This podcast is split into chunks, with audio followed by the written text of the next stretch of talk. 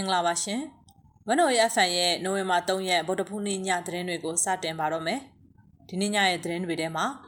PDF တွေအကြောင်းစစ်မေးရင်နဲ့ညောင်မြို့နယ်မဲမတော်ရွာသားတအုပ်ကိုစစ်ကောင်စီကပြစ်တက်လိုက်တဲ့တဲ့ PDF တွေရှိတယ်လို့ဆိုပြီးတော့ညောင်နှပင်စုံမှာရှိတဲ့ခြံတစ်ခြံကိုစစ်ကောင်စီဝင်စီးပြီးတော့ချမ်ပိုင်ရှင်တဲ့လူသမား2ဦးကိုဖမ်းဆီးသွားတဲ့တဲ့မြဝတီမြို့ ABSDF ဆက်ဆံရေးရုံအဖွဲ့ဝင်၄ဦးကိုစစ်ကောင်စီကဖမ်းဆီးလိုက်တဲ့တဲ့ တိန်ဖြူစီရဲ့ရေအဝေးပြေးလမ်းမှာစစ်ကောင်စီကမိုင်းခွဲခံရတဲ့တဲ့အာဆီယံအထူးတန်တမန်ကိုဒေါအောင်ဆန်းစုကြည်နဲ့တွေ့ခွင့်ပြုမှာမဟုတ်ဘူးလို့စစ်ကောင်စီကထပ်မံပြောကြားတဲ့တဲ့ထန်တလန်မြို့မီးလောင်ချိန်မှာအေးအေးစစ်စစ်ဓာတ်ပုံအရိုက်ခံနေတဲ့စစ်ကောင်စီတပ်ကစစ်သားတွေရဲ့ဓာတ်ပုံထွက်ပေါ်လာတဲ့တဲ့စတဲ့တဲ့တွေအပြင်ပြပုံပေါ်တက်အုပ်ချုပ်ဖို့လုပ်နေတဲ့စစ်ရာဇဝတ်မှုတွေကိုမှတ်တမ်းတင်ထားဆိုတဲ့စောင်းမနဲ့နိုင်ငံတကာသတင်းတွေကိုနားဆင်ရမှာပါ။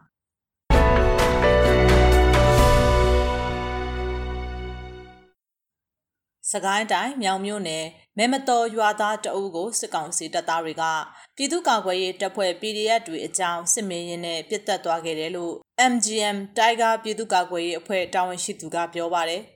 ။နိုဝင်ဘာ2ရက်နေ့မနေ့ကမဲမတော်ရွာကိုစစ်သား42ဦးပါစစ်ကြောင်းဝင်လာခဲ့ပြီးဒေသကာကွယ်ရေးတပ်တွေအကြောင်းမေးမြန်းရာမှာပြစ်တက်ခံခဲ့ရတာပါ။ ဒေသခံတယောက်ကိုရွာထိပ်မှာသူတို့တွေနဲ့တွေ့လို့ဒေသကာကွယ်ရေးတပ်တွေအကြောင်းမေးတယ်ဟိုကမဖြေတော့ပြစ်တက်သွားတာလို့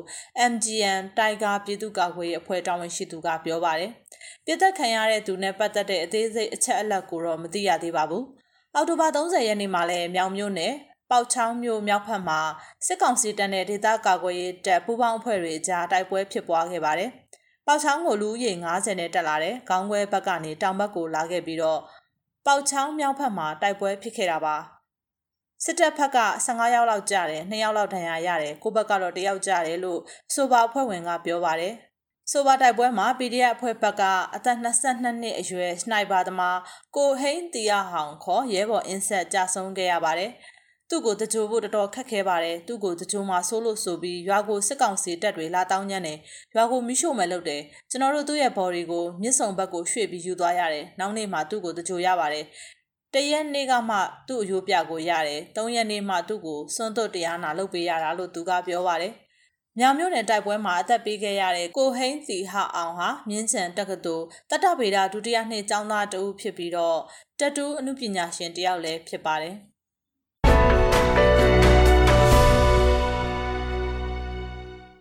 ရန်ကုန်တိုင်းလှည်းကူးမြို့နယ်ညောင်နှပင်စက်မှုဆောင်အတွင်းက C9 line ကတပြေကျန်တချံကို PDF တွေရှိနေတယ်ဆိုပြီးတော့စစ်ကောင်စီတပ်ဖွဲ့ကအင်အားသုံးဝင်ရောက်ရှာဖွေစီးနင်းခဲ့ပြီးချမ်းပိုင်ရှင်နဲ့ချမ်းအလုသမား2ဦးကိုဖမ်းဆီးခေါ်ဆောင်သွားတယ်လို့သိရပါတယ်။နိုဝင်ဘာ2ရက်နေ့မနေ့မနက်6နာရီအချိန်ကစစ်ကား15စီးလောက်နဲ့ဝင်ရောက်ရှာဖွေခဲ့တာဖြစ်ပြီးလက်နက်တွေတွေ့တယ်လို့ဆိုကဖမ်းဆီးသွားခဲ့တာဖြစ်တယ်လို့သတင်းအရင်းမြစ်ကပြောပါတယ်။ မနက်စောပိုင်းသူတို့ဝင်လာတာကလမ်းအပြည့်ဝင်လာတယ်ကားထိုးရက်ပြီးချန်စီယိုကိုပါခုံကြော်ပြီးအကုန်တက်ရှာကြတာအိမ်ပေါ်မှာချန်ပိုင်ရှင်မနှင်းယူလှိုင်နဲ့သူတို့အလုပ်သမားကိုလက်ပြန်ကျိုးတုပ်ပြီးဖမ်းတာလို့အထက်ပါသတင်းရင်းမြစ်ကပြောပါတယ်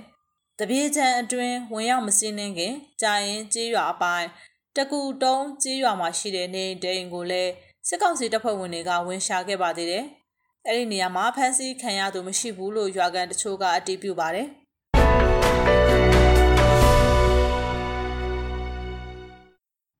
မြန်မာနိုင်ငံလုံးဆိုင်ရာအကြောင်းသားများဒီမိုကရက်တစ်တပ်ဦး ABSDF ရဲ့မြဝတီမြို့ဆက်ဆံရေးယုံအဖွဲ့ဝင်၄ဦးကိုအော်တိုဘာ2ရက်နေ့မနေ့ညပိုင်းက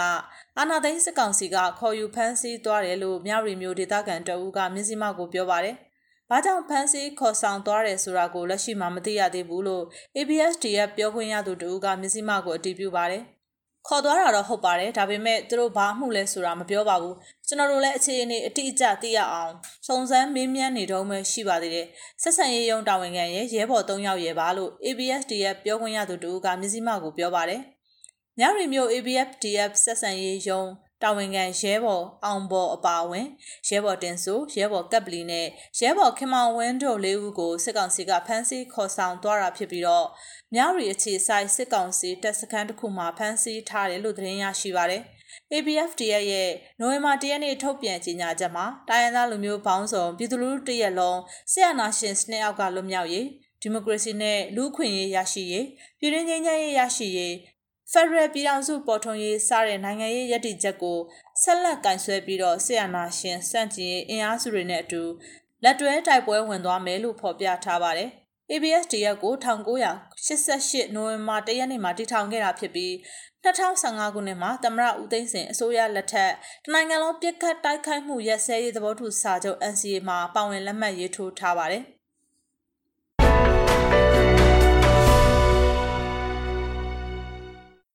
တဝဲခရိုင်လောင်းလုံမြို့နယ်အောက်ရီဖြူကျေးရွာအုပ်စုကရက်ငယ်ထိန်ကျေးရွာမှာခင်မုန်းဖြစ်သူကိုလာရောက်ဖမ်းဆီးရာမှာမတွေ့ခဲ့တာကြောင့်သူ့ရဲ့ဇနီးနဲ့နှစ်နှစ်အရွယ်ကလေးအပြင်ဦးလေးဖြစ်သူကိုပါစစ်ကောင်စီတပ်ကဖမ်းဆီးသွားတယ်လို့ဒေသခံတွေကပြောပါတယ်။နိုဝင်ဘာ3ရက်ဒီနေ့မနက်4နာရီခွဲအချိန်ကကိုလူလူစော်ကိုစစ်ကောင်စီကလာရောက်ဖမ်းဆီးချိန်မှာကာယကံရှင်ကိုမတွေ့တာကြောင့်ဇနီးဖြစ်သူမတ်ဂျူလိုင်ဝင်းခေါ်မမီးချစ်နှစ်နှစ်အရွယ်ကလေးဖြစ်သူနဲ့ ကိုလူလူစော်နဲ့ဦးလေးတော်ဆက်သူဦးစော်ဝင်းတို့ကိုဖမ်းဆီးသွားခဲ့တာပါကားလေးစီးနဲ့အင်အား20လောက်အိမ်ကိုလာဝိုင်းတယ်ကိုလူလူစော်ကမင်းညကအိမ်မှာမအိပ်ဖြစ်တော့လွတ်သွားတယ်သူတို့ဘက်ကအစွမ်းဆရှိရင်ကာယကံရှင်ကိုရအောင်ဖမ်းပေါ့အခုကသူတို့ကဖမ်းချင်တဲ့သူကိုမတွေ့ရင်မိသားစုကိုဖမ်းတယ်အိမ်မိရှို့တာတွေကိုတော့အပြင်းထန်ရှုတ်ချပါတယ်လို့အောက်ရည်ဖြူရွာဒေသခံတအူးကပြောပါတယ်အဖမ်းခံရသူတွေဟာလက်ရှိအချိန်မှာလောင်းလုံမြို့နယ်ရဲစခန်းမှာရှိနေတယ်လို့ဒေသခံတွေကပြောပါတယ်ကိုလူလူစော်ဟာ အာနာရှင်စန့်ကျင်ရေးတပိတ်လှုပ်ရှားမှုတွေမှာအရင်ကပူးပေါင်းပါဝင်မှုတွေရှိခဲ့ပေမဲ့လက်ရှိမှာကျေးရွာအတွင်းတာမန်နေထိုင်သူတူသာဖြစ်ကြောင်းနဲ့အခုလောက်ရဟာပုဂ္ဂိုလ်ရေးအရာမကျေနပ်တာကြောင့်သတင်းပေးဖန်ခိုင်းတာဖြစ်တယ်လို့တဝဲခရိုင်တပိတ်ကော်မတီကဆိုပါတယ်။အောက်ရည်ဖြူကျေးရွာအုပ်စုအတွင်းတပိတ်လှုပ်ရှားသူတွေအဖမ်းခံနေရပြီးပြန်မလွတ်သေးသူ9ယောက်ကျန်နေသေးတယ်လို့ဒေသခံတွေကပြောပါတယ် နိုဝင်ဘာ၁ရက်နေ့ညပိုင်းကလည်းစစ်ကောင်စီတပ်သားတွေကတဝက်ခရိုင်တပိတ်ကော်မတီဝင်တွေဖြစ်ကြတဲ့ကိုမင်းလွင်ဦးနဲ့ကိုဝေယံစိုးတို့ရဲ့နေအိမ်တွေကိုအကြမ်းဖက်ဝင်ရောက်စီးနင်းခဲ့ပါသေးတယ်။ကိုမင်းလွင်ဦးရဲ့မိခင်ဖြစ်သူကိုမတရားဖမ်းဆီးခေါ်ဆောင်သွားခဲ့ပြီးတော့ကိုဝေယံစိုးရဲ့မိသားစုနေအိမ်ကိုလည်းမိရှို့ဖျက်ဆီးခဲ့ကြပါတယ်။ နိုဝင်ဘာ2ရက်နေ့မနေ့ကလည်းအကြမ်းဖက်စစ်ကောင်စီတပ်သားတွေဟာလောင်းလုံမြို့ပေါ်မှာရှိတဲ့နေအိမ်တချို့ကိုအကြမ်းဖက်ဝင်ရောက်စီးနင်းပြီးတော့ပြည်သူ၁၀ဦးကိုဖမ်းဆီးသွားခဲ့တယ်လို့တဝဲခရိုင်တပိတ်ကော်မတီကသတင်းထုတ်ပြန်ထားပါတယ်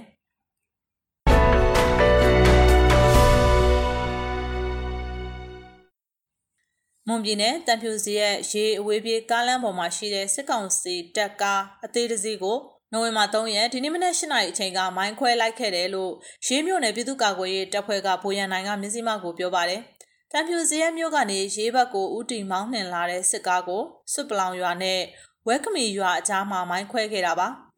ရမုံနဲ့မိုင်းနှလုံးခွဲခဲ့တာပါလာလုံမိုင်းမှာပဲပထမဆုံးဝိုင်းဆခွဲတော့ကြီးကြီးမားမားမထိသွားတော့ဘူးခွဲပြီးပြီးချင်းပြန်ဆုတ်ခွာခဲ့တာပါကားကတော့အသေးပါခွဲပြီးနိုင်ဝက်လောက်ကြာတော့အဲ့ဒီနေရာကိုအနီးနားကလက်နက်ကြီးတွေနဲ့လှမ်းပစ်တာမျိုးတွေရှိပါတယ်ဒီဘက်ကတော့ထိခိုက်မှုမရှိဘူးလို့သူကဆိုပါတယ်အခုမိုင်းခွဲမှုကိုဘီလုံးစစ်စင်ရေးနာမည်နဲ့ရေးမြို့နယ်ပြည်သူ့ကာကွယ်ရေးတပ်ဖွဲ့နဲ့တန်ဖြူစရဲမြို့နယ်ပြည်သူ့ကာကွယ်ရေးတပ်ဖွဲ့တို့ပူးပေါင်းလှုပ်ဆောင်ခဲ့တာဖြစ်တယ်လို့လူမှုကွန်ရက်မှာထုတ်ပြန်ထားပါတယ်။ မိုင်းခွဲမှုကြောင့်စစ်ကောင်စီဘက်ကထိခိုက်သေးဆုံးမှုလက်တလုံးမှမသိရသေးဘူးလို့ပိုရန်နိုင်ကဆိုပါတယ်။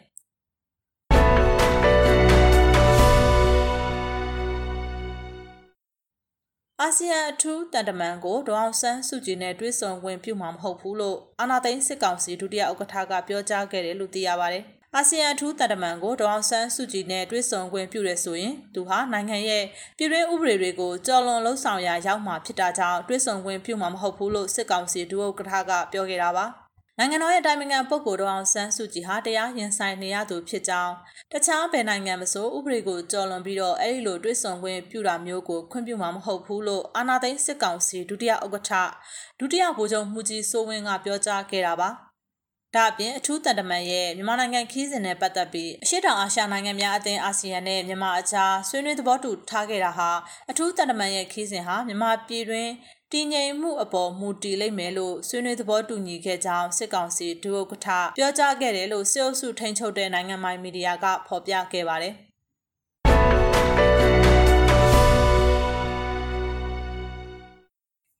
ချင်းပြည်နယ်ထန်တလန်မြို့မှာပြီးခဲ့တဲ့နိုဝင်ဘာ29ရက်နေ့ကဖြစ်ပွားခဲ့တဲ့မီးလောင်နေတဲ့မြင်ကွင်းကိုခလာရနှစ်နှစ်နှစ်တက်ရင်လို့ယူဆရတဲ့တက်ကစစ်သားတအုပ်ဟာ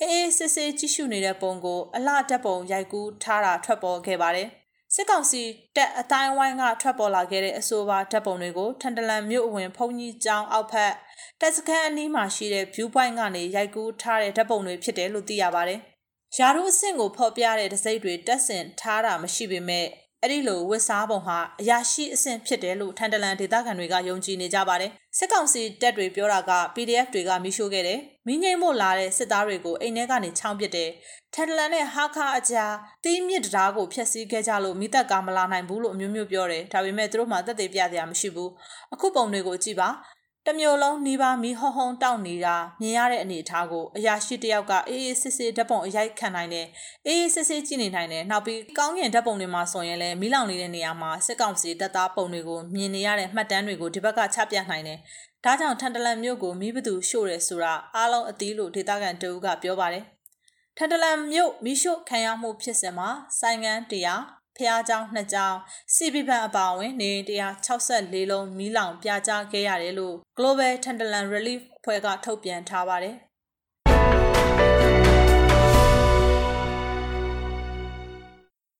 ချင်းပြည်နယ်မှာပြည်သူလူထုတွေလူနေအိမ်တွေနဲ့ခရီးရန်ကျောင်းတွေကို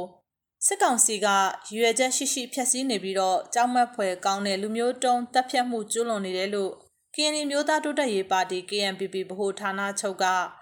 နိုဝင်ဘာ3ရက်ဒီနေ့ရက်စွဲနဲ့ကြေညာချက်ထုတ်ပြန်လိုက်ပါတယ်။ချင်းပြည်နယ်အတွင်းဖြစ်ပျက်ခဲ့တဲ့လူခွင့်ရေးချိုးဖောက်မှုတွေနဲ့အတူလူနေအိမ်နဲ့ခရီးရန်ဖျားเจ้าတွေကိုဖျက်ဆီးတာအပြစ်မဲ့ပြည်သူတွေအပေါ်လူမျိုးတုံးတပ်ဖြတ်မှုလုပ်ရက်တွေကိုကင်းဒီပြည်နယ်မှာလည်းအလားတူလုပ်ရက်တွေအာဏာသိမ်းစစ်ကောင်စီကကျူးလွန်နေတယ်လို့ KNPP ရဲ့ထုတ်ပြန်ချက်မှာဖော်ပြထားပါတယ်။အာဏာသိမ်းစစ်ကောင်စီဟာထိုင်းသားလူမျိုးတွေရဲ့အမျိုးသားတန်းတူရေးကိုပိုင်ပြဋ္ဌာန်းခွင့်နဲ့ Federal Democracy ပြည်ထောင်စုတည်ဆောက်ရေးဖြစ်တဲ့ နိုင်ငံရေးတောင်းဆိုမှုတွေကိုဥပက္ခပြုဖျက်ဆီးဖို့အတွက်တမင်ရည်ရွယ်လှုပ်ဆောင်နေတာဖြစ်တယ်လို့လည်း KNPP ကဆိုပါတယ်။ချင်းပြည်နယ်အပါအဝင်မြန်မာပြည်သူလူထုတွေအပေါ်စစ်ကောင်စီကကျူးလွန်နေတဲ့စစ်ရာဇဝတ်မှုတွေကိုကန့်ကွက်ရှုတ်ချကြောင်းနဲ့ဒီမိုကရေစီလမ်းပေါ်ပြန်လည်ရှောက်လန်းနိုင်ရေးကြိုးပမ်းကြသူတွေအားလုံးနဲ့ပူးပေါင်းပြီးဆက်လက်တိုက်ပွဲဝင်သွားမှာဖြစ်တယ်လို့ KNPP ကထုတ်ပြန်ထားပါတယ်။ အော်တိုဘာ29ရက်နေ့မနက်ပိုင်းကစတင်ပြီးတော့ချင်းပြည်နယ်ထန်တလန်မြို့ပေါ်မှာစစ်တပ်ကလက်နက်ကြီးတွေနဲ့ပစ်ခတ်တာမီးတင်ရှို့မှုတွေကြောင့်ဖျားကြောင်နှစ်ကြောင်အပါအဝင်ရက်ကွက်9ခုလူနေ164လုံးမီးလောင်ဆုံးရှုံးခဲ့တယ်လို့ဒေသခံတွေရဲ့ကောက်ယူထားတဲ့စာရင်းတွေအရသိရပါတယ်။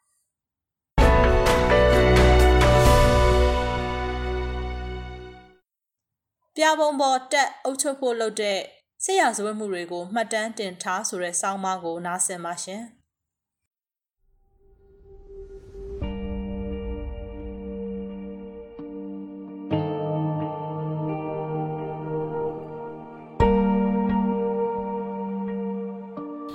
ပ်စုကနိုင်ငံအစင်းရဲဆုံးပြည်နယ်ဖြစ်တဲ့ချင်းပြည်နယ်ကထန်တလန်မြို့ကိုမိတင်ရှိုးတဲ့ကိစ္စဟာမြန်မာတွေမဟုတ်ကဘာကပါတီးခဲ့တဲ့အဖြစ်ပြပါဒီဖြစ်ရနဲ့ပတ်သက်ပြီးအမျိုးသားညီညွတ်ရေးအစိုးရ NUG ရဲ့ကုလတန်အမတ်ဦးကျော်မိုးထွန်းကလည်းနိုဝင်ဘာလ၁ရက်နေ့ကပြုလုပ်ခဲ့တဲ့86ကြိမ်မြောက်ကုလသမဂ္ဂအထွေထွေညီလာခံမှာတင်ပြပြောဆိုခဲ့ပါတယ်။ စစ်အုပ်စုရဲ့ရက်ဆက်ကြမ်းကြုတ်တဲ့လုပ်ရက်တွေကိုခန်းစားနေရတဲ့မြန်မာနိုင်ငံသားတွေအတွက်နိုင်ငံတကာကအလေးနက်အာရုံစိုက်ကြဖို့နဲ့အရေးယူဆောင်ရွက်မှုတွေလုပ်ပေးဖို့တောင်းဆိုခဲ့တာပါ။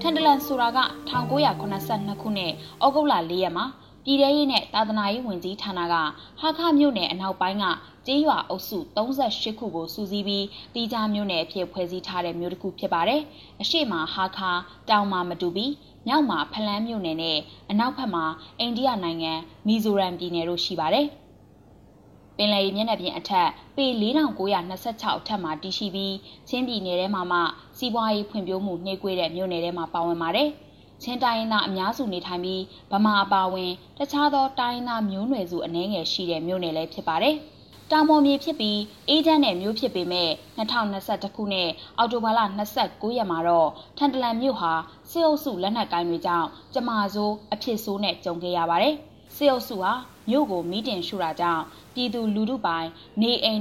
164လုံးမီးလောင်ပျက်စီးခဲ့တယ်လို့ခရစ်ယာန်ဘုရားကျောင်းတချို့လည်းပျက်စီးခဲ့ရပါတယ်။ အတီမပြုတ်နိုင်တဲ့သတင်းတွေအရထန်တလန်မြို့ပေါ်ကပြည်သူပိုင်အိမ်တွေကိုဖောက်ထွင်းဖျက်ဆီးပြီးပြည်သူပိုင်ပစ္စည်းတွေကိုခိုးယူလူရက်ဖို့လှုံ့ဆော်တဲ့စစ်အုပ်စုလက်အောက်ခံတပ်သားတချို့ကိုဒေသအခြေစိုက်ပြည်သူ့ကာကွယ်ရေးတပ်ဖွဲ့ကပစ်ခတ်ခဲ့မှုကြောင့်လက်စားချေတဲ့အနေနဲ့မြို့ကိုမီးတင်ရှို့ခဲ့တာလို့သိရပါဗျ။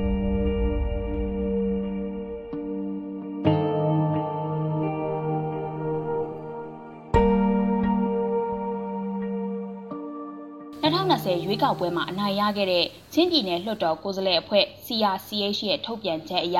ထန်တလန်တမျိုးတဲ့စေအုပ်စုကကျူးလွန်တဲ့စစ်ရာဇဝတ်မှုတွေကိုခါးစီးရင်စည်းခံခဲ့ရတာမဟုတ်ပါဘူး။စေအုပ်စုဟာချင်းပြည်နယ်ထဲမှာစစ်ရာဇဝတ်မှုပေါင်းများစွာကိုကျူးလွန်ခဲ့တာဖြစ်ပါတယ်။အော်တိုဘာလ23ရက်ကဖလန်းမြို့ရဲတီကျေးရွာပြည်သူပိုင်နေအိမ်၁၂အိမ်မီးရှို့ဖျက်ဆီးခံခဲ့ရတဲ့အပြင် ခရစ်ယာန်ဘာသာဝင်တွေအထွတ်မြတ်ထားရာဖခင်ကြောင့်တစ်ခုမိရှို့ဖျက်ဆီးခံခဲ့ရပါတယ်။အော်တိုဘာလ14ရက်မှာဖလန်းမြို့နယ်တဲကထလန်ရောကြေးရွာကပြည်သူပိုင်နေအိမ်3လုံးနဲ့တာကြေးရွာကနေအိမ်12လုံးကိုမိရှို့ဖျက်ဆီးခဲ့ပါတယ်။အော်တိုဘာလ19ရက်ကနေ23ရက်အတွင်း ချင်းပြည်နယ်မင်းတပ်မတူပီကားလမ်းတစ်လျှောက်မင်းတပ်မြို့နယ်ကမိုင်တိုင်23နဲ့80ကြားအတွင်းကကြေးရွာတွေကပြည်သူပိုင်နေအိမ်109လုံးကိုစစ်အုပ်စုကဖျက်ဆီးခဲ့တဲ့အပြင်တန်မိုးရှိပစ္စည်းတွေကိုလည်းလူယူသွားခဲ့ပါတယ်။အော်တိုဘာလတတိယပတ်အတွင်းကလည်းဖလန်းမြို့ရန်ထလိုနဲ့ထလန်စာကျေးရွာတို့ကပြည်သူပိုင်နေအိမ်အလုံးတရာကိုဖျက်ဆီးခဲ့ပါတယ်။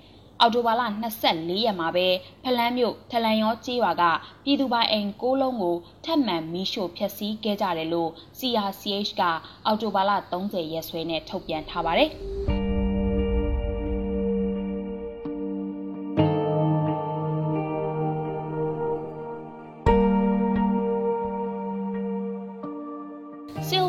သိမ်းပြီးနောက်ပိုင်းလက်နက်နဲ့ပါလူသေးတဲ့အထိပြစ်ခတ်တပ်ဖြတ်ဖြိုခွင်းလာတဲ့နောက်ပိုင်းနိုင်ငံအနှံ့မှာလက်နက်ကင်ခုခံတော်လှန်မှုတွေအများပြားရှိခဲ့တာပါအဲ့ဒီထဲမှာချင်းပြည်နယ်လည်းပါဝင်ပါတယ်ချင်းပြည်နယ်ကပြည်သူတွေကစစ်အုပ်စုကလက်နက်နဲ့ဖိအားပေးတိုက်ခိုက်တပ်ဖြတ်လာတဲ့အတွက်ဒေသခံတွေဟာရရလက်နက်ကင်တော်လှန်ခဲ့ကြပါတယ်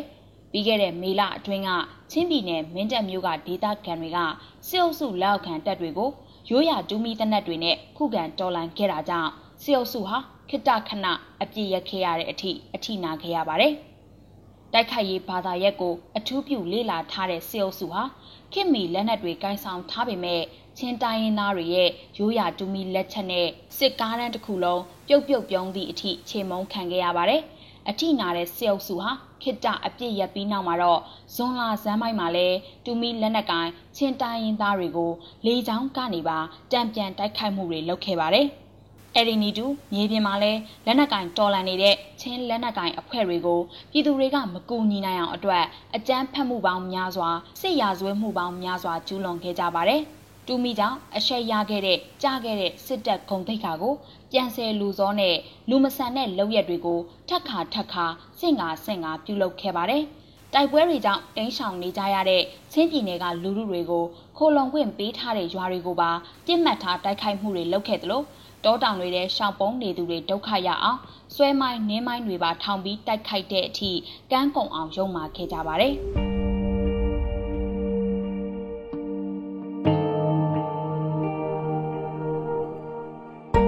လင်တက်များတာမကခက်မီတိုက်လေရင်များကိုအသုံးပြုပြီးတော့ချင်းပြည်နယ်အခြေပြုတိုင်းသားလက်နက်ကိုင်တပ်ဖွဲ့တစ်ခုဖြစ်တဲ့ချင်းမျိုးသားတပ်ဦး CNF ဟာ စေအုပ်စုနဲ့ငြိမ်းချမ်းရေးစာချုပ် NCA လက်မှတ်ထိုးထားတဲ့အဖွဲ့အစည်းတစ်ခုဖြစ်ပါတယ်။ဒါပေမဲ့လက်ရှိစေအုပ်စုကိုစန့်ကျင်တော်လှန်နေတဲ့အမျိုးသားညီညွတ်ရေးအစိုးရ NUG ရဲ့ Federal ရေးရာပြည်ထောင်စုဝန်ကြီးစလိုင်းလျံမုံစာခေါင်းဟာ CNF ရဲ့ခေါင်းဆောင်တအူးဖြစ်နေတာကစေအုပ်စုအတွက်အရှိုက်ထိုးခံရတဲ့ဖြစ်ရဖြစ်ပါတယ်။ စလိုင်းမြန်မုံစာခေါင်းဟာ CNF ဒူဥက္ကဋ္ဌဖြစ်ပြီးအာဏာသိမ်းမှုတွေမဖြစ်စဉ်ကစစ်အုပ်စုနဲ့ဒဇပွဲတဲ့ထိုင်ပြီးငိမ့်ချမ်းရေးစကားတွေပြောဆိုခဲ့သူဖြစ်ပါတယ်။စစ်အုပ်စုကသူတို့နဲ့ဇပွဲဝိုင်းထိုင်စကားပြောခဲ့သူကသူတို့ကိုတော်လန်နေတဲ့ NUG အစိုးရစီမှာပြည်ထောင်စုအဆင့်ဝင်ကြီးအဖြစ်ရပ်တည်လိုက်တာဟာစစ်အုပ်စုအတွက်နိုင်ငံရေးအရာကြီးမားတဲ့ထိုးနှက်ချက်ဖြစ်ခဲ့ပါတယ်။အဲ့ဒီလိုမျိုးဗတ်ပြောင်းသွားတဲ့အတွက် CNF က NCA လက်မှတ်ထိုးထားမှုပြတ်ပါပြီလို့လဲတရားဝင်ထုတ်မပြောနိုင်တဲ့အခြေအနေကြောင့်စစ်အုပ်စုဘက်မှပိုပြီးခံပြင်းမှုတွေရှိလာခဲ့တာပါဒါကိုတုံ့ပြန်တဲ့အနေနဲ့စစ်အုပ်စုဟာစလိုင်းလျံမုံစာခေါင်းရဲ့အိမ်ကိုအကြမ်းဖက်မှုကျူးလွန်သူတဦးအားပုံအောင်ခွင့်ပေးခြင်းနဲ့ယာယီနေထိုင်ခွင့်ပေးကြောင်းဖော်ထုတ်ရရှိသည့်အတွက်အကြမ်းဖက်မှုတိုက်ဖြတ်ရေးဥပဒေအရချိတ်ပိတ်သိမ်းဆည်းမှုကိုအော်တိုဘာလ30ရက်ကပြုလုပ်ခဲ့ပါတယ်။ online နဲ့သူ့ရဲ့စစ်တပ်က ကျွန်တော်တို့ချင်းလူမျိုးများနဲ့ရိုဟင်ဂျာလူမျိုးများအပေါ်မှာလူမျိုးတုံးတက်ဖြတ်တဲ့စစ်စင်ကြီးကိုရှင်နှွဲနေတယ်လို့ပဲကျွန်တော်တို့တိုင်းပြည်မှာအနှစ်90ကြာပြီဖြစ်တဲ့ပြည်တွင်းစစ်ကနေပြီးတော့တိုင်းရင်းသားလူမျိုးပေါင်းစုံကိုတိုက်ခိုက်နှိမ်နှင်းတက်ဖြတ်နေပါတယ်အဲဒီတွေ့ကြောင့်မင်းအွန်လိုင်းကိုယနေ့ချိန်မှာကျွန်တော်တို့ချင်းလူမျိုးများတာမကဘီထောင်စုဖွဲ့တိုင်းရင်းသားလူမျိုးများဗမာလူမျိုးများအပါအဝင် ဘီသူလူထုတရားလုံးကအန်တုဆန့်ကျင်ပြီးတော့တိုက်ခိုက်တော်လှန်နေပါတယ်အဲဒီတွေ့ကြောင့်မင်းအွန်လိုင်းနေတဲ့ဒီစစ်ပွဲမှာဘယ်နည်းနဲ့မှမအောင်နိုင်ပါဘူးဘယ်နည်းနဲ့မှလူထုတရားလုံးကိုသူအနိုင်မယူနိုင်ပါဘူးမင်းအွန်လိုင်းကြက်ဆုံးမှာတေချပါတယ်မင်းအွန်လိုင်းဆုံးဆုံးမှာတေချပါတယ်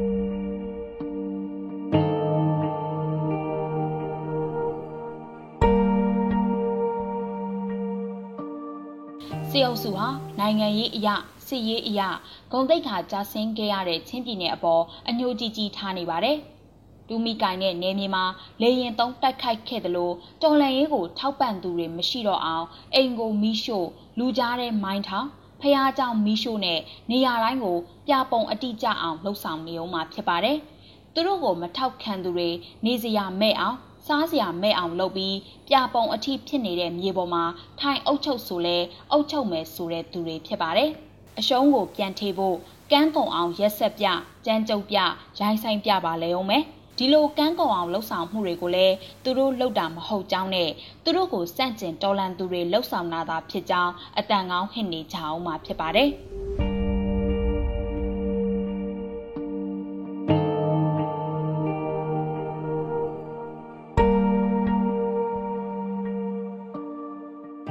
စစ်အုပ်စုဟာလူလူထံလက်နက်မချရဖို့အတွက်ချင်းပြည်နယ်မှာထန်တလန်မှမဟုတ်ပါဘူး။တတိုင်းပြည်လုံးကိုလည်းမီးတင်ရှို့ဆိုရင်ရှို့ဖို့ဝင်မလေးတဲ့သူတွေဖြစ်ပါတယ်။စစ်ရာဇဝတ်မှုပေါင်းများစွာကိုကျူးလွန်နေအောင်မှာဖြစ်ပါတယ်။ဒီကျူးလွန်မှုတွေအတွက်စစ်အုပ်စုခေါင်းဆောင်တွေဟာတာဝန်ခံရမှာဖြစ်ပေမဲ့အခုအချိန်မှာတော့စစ်အုပ်စုဟာဒါကိုရှောင်လွဲလို့ရသလောက်ရှောင်လွဲပြီးသူ့ကိုတော်လန်နေသူတွေလက်ချက်ဖြစ်ကြောင်းအပြစ်ဖို့ခေါင်းစဉ်တက်နေအောင်မှာဖြစ်ပါတယ်။ စစ်အုပ်စုခေါင်းဆောင်တွေနဲ့လက်အောက်ခံတပ်တွေဟာသူတို့ကျူးလွန်ခဲ့မှုအတွက်ထိုက်တန်တဲ့တာဝန်ခံမှုရှိဖို့အတွက်ဆိုရင်ဒီအချိန်မှာအချက်လက်တွေတက်သေးတာရကတွေကအဓိကသာဖြစ်ပါတယ်။ဒီတက်သေးအချက်လက်တွေကသာလျှင်စစ်အုပ်စုကိုတာဝန်ခံမှုရှိလာစေမဲ့တခုတည်းသောအရာသာဖြစ်ပါတယ်။ထန်တလန်မာသာမကတတိုင်းပြည်လုံးကစေအုပ်စုကျူးလွန်တဲ့ရာဇဝတ်မှုတွေကတက်သိမ်းတဲ့တကွမှတ်တမ်းတင်ထားနိုင်ရေးဟာတော်လန်ရေးအောင်မြင်ဖို့ လူမှုအောင်ပွဲခံဖို့အတွက်အခြေခံအုံမြစ်ပဲဖြစ်ပါတယ်။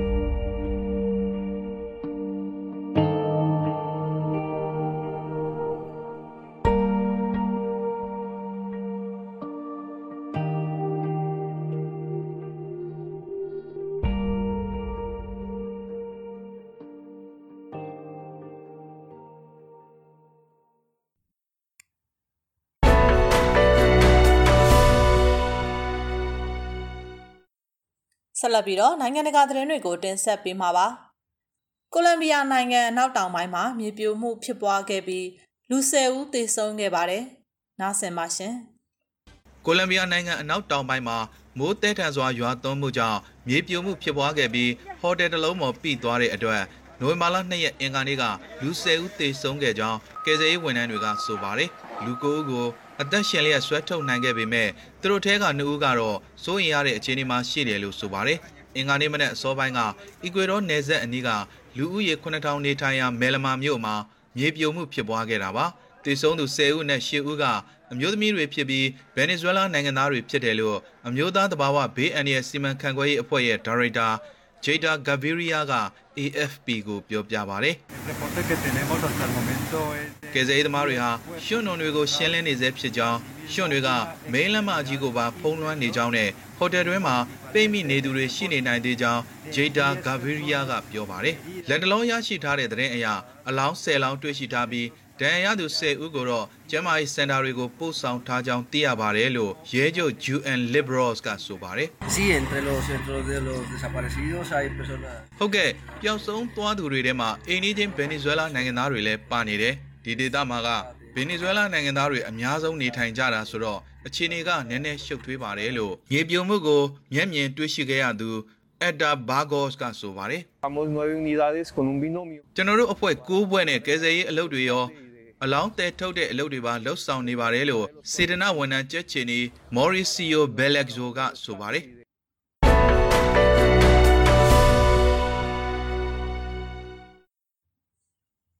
မာလီမှာလွမြောက်လာတဲ့တရုတ်ဓားစာခံ၃ဦးကိုကယ်တင်နိုင်ခဲ့တဲ့အကြောင်းကိုပြောပြမှာပါ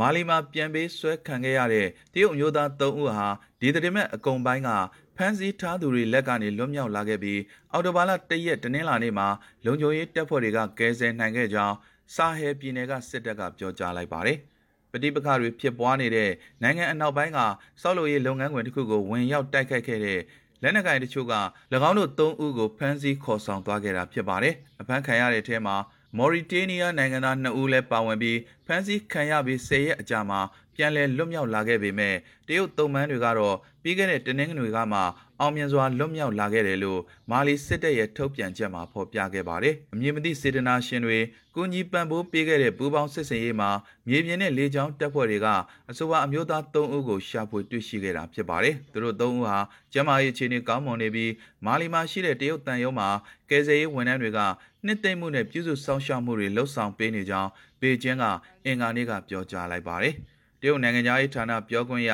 ဝမ်ဝင်ပင်က တရုတ်နိုင်ငံအနေနဲ့မာလီမှာရှိတဲ့တရုတ်နိုင်ငံသားတွေနဲ့တရုတ်ပိုင်းစီးပွားရေးလုပ်ငန်းတွေအတွက်အန္တရာယ်ကင်းရှင်းရေးအစီအမံတွေနဲ့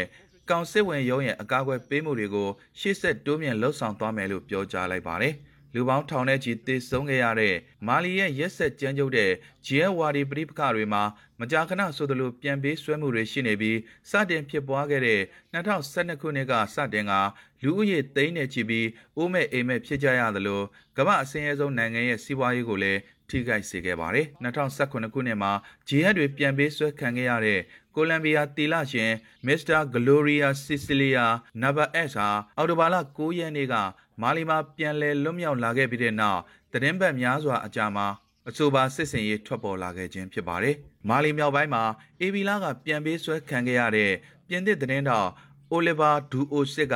စာဟဲရှိ အကြီးဆုံးဂျီဟက်ဝါဒီမဟာမိတ်အဖွဲ့ဖြစ်တဲ့အစ္စလာမစ်မွတ်စလင်များကူညီပံ့ပိုးရေးအဖွဲ့ GSIM ရဲ့တစားကန်ဗီဒီယိုတစ်ခုမှာသူ့ကိုပြန်ပေးဆွဲထားတဲ့အကြောင်းပြောဆိုခဲ့ပါတယ်။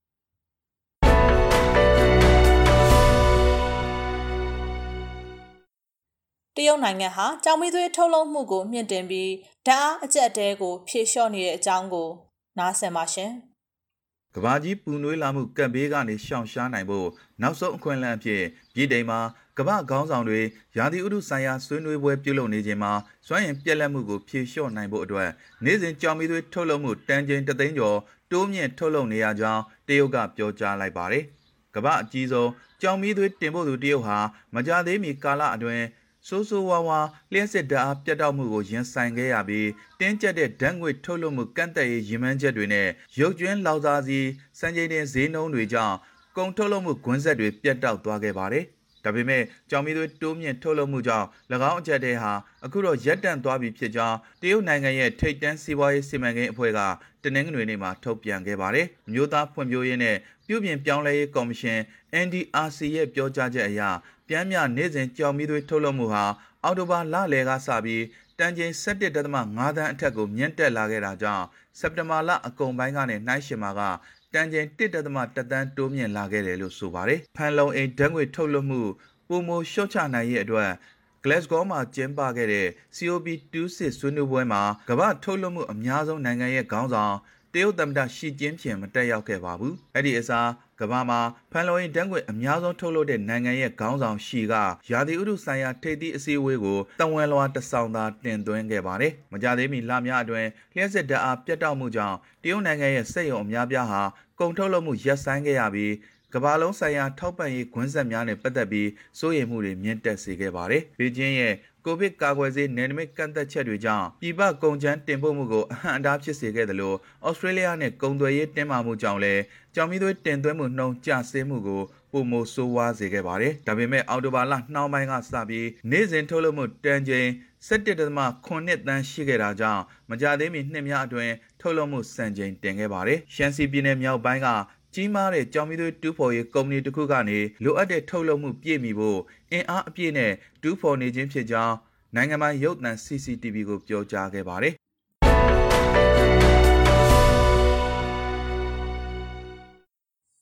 ဝန်တော်ရဲ့ fan ရဲ့ဒီနေ့ညသတင်းတွေကတော့ဒီလောက်ပါပဲ။နားဆင်ကြကြသူတွေအားလုံးကျမ်းမာကြပါသေးရှင်။